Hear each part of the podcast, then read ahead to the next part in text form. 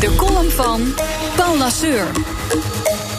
Hoe lang moeten de banken nog in de hoek staan en zich schamen... voordat ze weer een klein beetje van ons vertrouwen hebben terugverdiend? Na meer dan tien jaar onafgebroken bankbashing... hebben ze hun lesje nederigheid hopelijk wel een keer geleerd.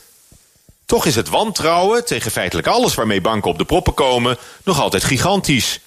Zoals de op zichzelf volkomen onschuldige plannen van ING...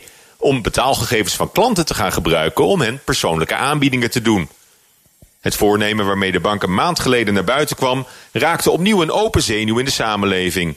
En vorige week liet de autoriteit persoonsgegevens weten... dat het aanbieden van passende financiële producten door banken...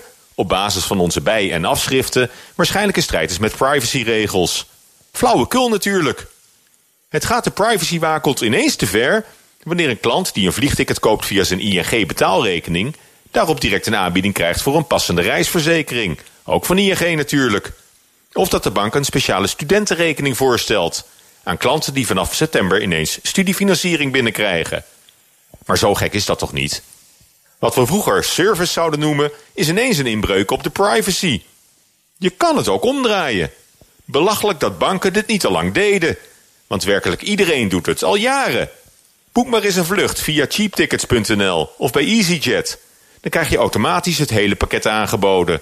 Van huurauto tot hotelovernachting en annuleringsverzekering op de koop toe.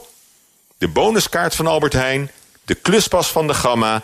al die godvergeten cookies die je nog wekenlang lastigvallen... met pop-ups van speciale aanbiedingen. Het meest irritant zijn nog wel de aankoopsuggesties... die worden vergezeld van het zinnetje...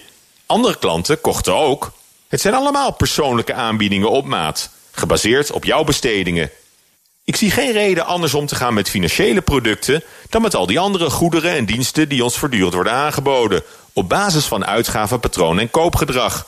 Sterker nog, ik heb liever dan mijn eigen bank, die ik al mijn betalingsverkeer en spaargeld heb toevertrouwd, discreet meekijkt in mijn financiële huishouding en af en toe een verstandige suggestie doet, dan die hele shitload aan reclame en advertenties van alle kanten voor spullen waar ik echt niet op zit te wachten.